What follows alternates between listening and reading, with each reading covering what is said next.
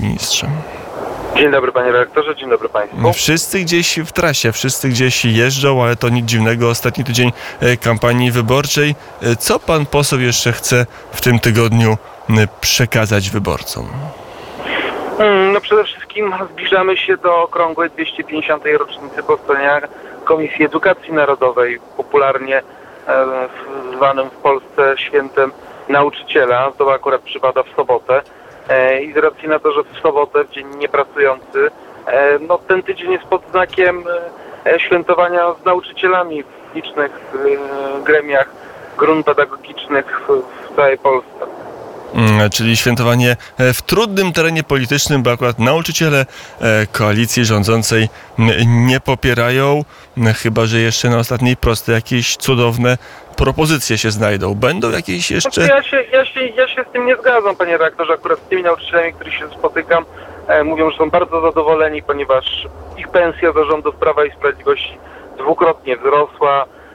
Nastąpiło bardzo intensywne dosprzętowianie szkół, nakłady finansowe e, na inwestycje w oświacie. To jest ponad 14 miliardów złotych. Takiej bym powiedział, takiego renesansu polskiej szkoły naprawdę dawno nie było. E, O tym nie mówił w debacie parlament, w debacie telewizyjnej e, premier Mateusz Morawiecki. W ogóle mało co podkreślał, co się udało zrobić. Dużo mówił o Donaldzie Tusku. Dobra to była taktyka? No, tak się gra, jak przeciwnik pozwala. No, Donald Tusk próbował zdominować e, e, tą debatę, natomiast w mojej ocenie ośmieszył się, e, przychodząc moim zdaniem nieadekwatnie ubrany w stosunku do innych uczestników e, debaty. Że był bez krawata, jak rozumiem. lekceważenia. Słucham? Że bez krawata przyjechał, jak rozumiem, i marynarkę e, zdjął. No, dokładnie. No, chyba, chyba go stać na to, żeby kupić sobie marynarkę i, i krawat, a jeśli już nawet krawat go dusi pod szyją, to, to mógł tą marynarkę założyć, bo to jest wyraz takiego, bym powiedział, lekceważenia dla innych uczestników debaty, a zwłaszcza dla odbiorców. No, tam czytanie jakiejś takiej wyświechtanej karteczki czegoś. Powiem szczerze, byłem bardzo rozczarowany postawą Donalda Tuska. Spodziewałem się, e, że będzie to taki Donald Tusk, jakiego go pamiętam z lat, kiedy rządził, czy, czy nawet z momentu, kiedy był przesłuchiwany przeze mnie przed komisją śledczą. Mm, e, Panie pośle, pamiętam kiedyś, jak pan jeszcze startował z list Kukiz 15 i pamiętam w 15 roku Pawła Kukiza to też często ani marynarki, ani krawata nie miał i, i wtedy to mm, e, panu nie przeszkadzało. No dobrze, no ale mm, strój strojem, ale słowa słowami. E, Coś pan zapamiętał z tej debaty? Ta debata jakoś wpłynie na świadomość polskich wyborców? No w mojej ocenie nie wpłynie na ocenę wyborców. Ta debata no, generalnie y, pokazała, że nie rozmawiamy w polskim życiu publicznym o konkretach, o czym pan redaktor nadmienił wcześniej, e, tylko bo niestety spory są, bym powiedział, pozamerytoryczne. Mm, No, ale to chciałoby się, żeby tej merytoryki mm, trochę by było. Co właściwie w tej kampanii jest takim głównym merytorycznym motywem koalicji rządzącej Prawa i Sprawiedliwości? No, naszym głównym argumentem jest kwestia bezpieczeństwa państwa, bardzo szeroko rozumianego bezpieczeństwa, od tego bezpieczeństwa militarnego, dozbrajania polskiej armii, podnoszenia możliwości obronnych e, wojska polskiego, ale również całego społeczeństwa, e, ale również to bezpieczeństwo wewnętrzne, bezpieczeństwo mm, strukturalne, bezpieczeństwo również społeczne, e, wsparcie dla osób najbardziej potrzebujących pomocy ze strony państwa. Myślę tu o osobach niepełnosprawnych, o seniorach. E, To jest, to jest, bym powiedział, główny leitmotiv naszej kampanii wyborczej Prawa i Sprawiedliwości. Bezpieczeństwo i jeszcze raz bezpieczeństwo. Chcemy Polakom zapewnić poczucie bezpieczeństwa. Mm, Bezpieczeństwo, ale też szeroko rozumiane, także, mm, także ekonomiczne, a jakaś propozycja konkretna. Donald Tusk ma 100 konkretów. Jaki jest y, konkret na jeden konkret na te wybory e, plat, e, Prawa i Sprawiedliwości? Platforma Obywatelska, nie wiem czemu. Prawa i Sprawiedliwości. No to jest chociażby bardzo oczekiwany przez moich wyborców, bo ja się bardzo często z tym spotykałem, e, możliwość wprowadzenia emerytury stażowej, to znaczy danie ludziom wyboru, czy chcą przechodzić na emeryturę w wieku kobiety e, 58 lat, a mężczyźni w wieku 63 lat. to jest coś bardzo konkretnego i coś oczekiwanego przez Polaków, bo wielu Polaków chce skorzystać z tej emerytury stażowej, a część będzie dalej pracować e, do osiągnięcia tego wieku emerytalnego 60 czy 65 lat.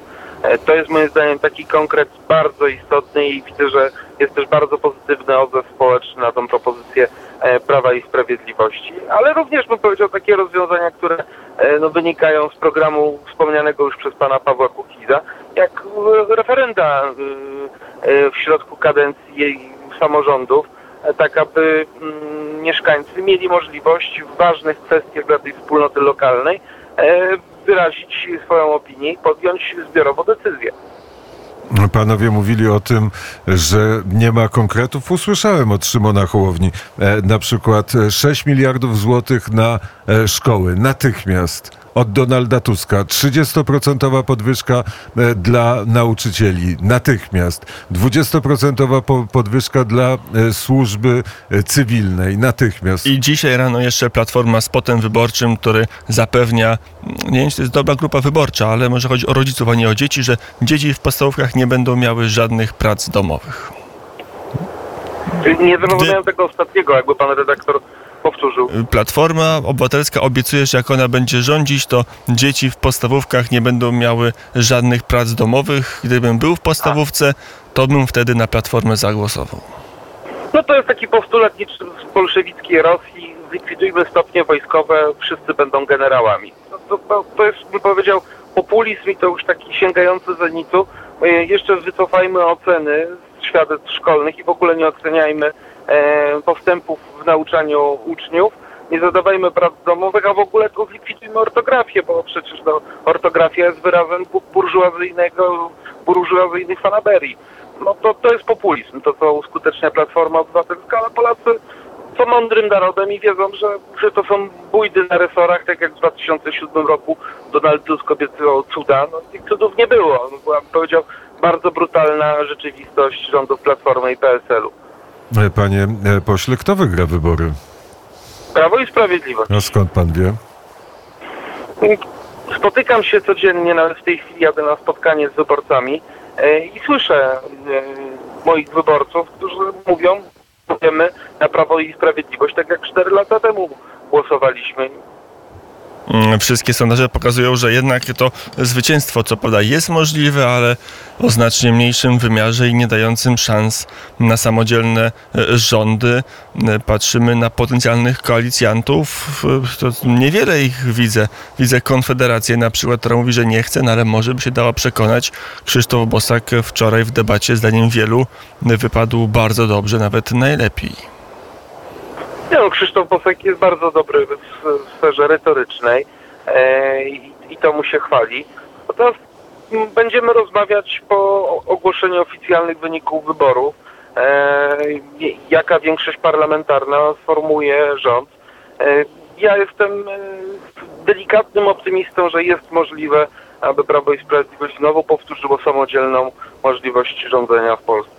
Mm, Premier Mateusz Morawiecki na ostatnio, ostatnio na spotkaniach często mówi o tym, że przeprasza za błędy oraz podkreśla to, że e, to, zwłaszcza ostatnia kadencja, jak rozumiem, nie była idealna, nie była pozbawiona tych błędów w wykonaniu Prawa i Sprawiedliwości. O jakich błędach myśli i mówi premier Morawiecki? No trzeba by było pana premiera zapytać, natomiast jeśli ja miałbym wskazać takie błędy, to z pewnością była to piątka dla zwierząt. E, Ja byłem akurat w gronie tych posłów, którzy głosowali przeciwko e, tej głupiej ustawie, bo tak trzeba to nazwać. E, To był na pewno błąd. Z pewnością były popełnione błędy, ale ja bym tutaj nikogo za te błędy nie winił. Pewnych decyzji podczas pandemii COVID-19. E, Natomiast no, nikt z nas nie miał daru jasnowidzenia i nie wiedział, jak ta sytuacja będzie wyglądała e, na przestrzeni tych dwóch lat e, trwania pandemii e, koronawirusa. Mm, I też e, jest e, pytanie, e, czy dalej prowadzić taką samą politykę gospodarczą. Pan powiedział, że tym jednym kon- konkretem jest emerytura stażowa, ale wiele badań pokazuje, że Polska, polskie społeczeństwo jest jednym z najbardziej liberalnych, najbardziej prokapitalistycznych społeczeństw. Nie jest tak, że PiS powinno doszlusować, że jednak pewna polityka społeczna, socjalna w Polsce już się wypala i Polacy nie chcą więcej transferów społecznych. Mm, Z pewnością trzeba zająć się bardzo ważną grupą społeczną, jaką są e, mali i średni przedsiębiorcy. E, I mam nadzieję, że w tej kadencji Sejmu uda nam się wprowadzić takie rozwiązania, które ułatwią prowadzenie biznesów w Polsce. Bo jeśli popatrzymy na strukturę polskiego PKB, e, no to właśnie mali i średni przedsiębiorcy to jest, można powiedzieć, no, sól ziemi czarnej to są ci, którzy e, pr- prowadzą e, rozwój gospodarczy Polski do przodu. Mm, e, To teraz pytanie, co się udało zrobić przez, osta- przez ostatnie 4 lata, bo mali przedsiębiorcy no, czują, że, że rząd PiSu to nie był ich rząd.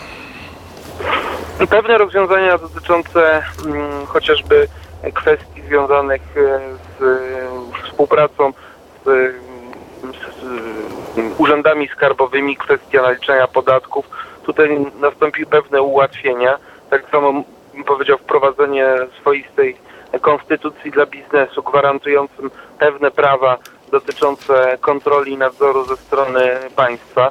Ułatwiono pewne procedury, wprowadzono e, domniemanie mm, e, właściwości e, naliczonych podatków i składek e, dla przedsiębiorców.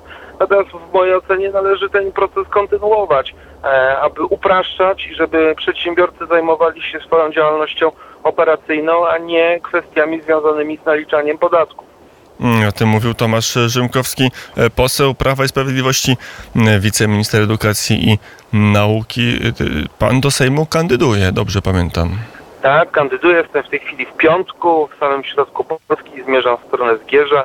Mm, Startuję w, z powiatów Łowickiego, Kutnowskiego, Łęczyckiego, w którym jestem, Zgierskiego, Poddębickiego, Sierackiego, Łaskiego, Zduńskowolskiego, w którym dzisiaj będę mm, na święcie miasta, ale również Wieluńskiego, Wieruszowskiego i Pajęczańskiego. Mm, I wszystkie powiaty pan poseł pamięta, co się e, ch- chwalił. Nawet Tomasz, wszystkie gminy, ale to by za długo zajęło, panie redaktorze. to może nie, nie, gminy i też sołectwa może na następną rozmowę sobie, Nie, sołectw przyznaję się nie znam e, wszystkich, część znam, ale to przynajmniej w rodzimym powiecie kutnowskim. Jeszcze ale parę dni zostało. Niektórych gminach nie znam.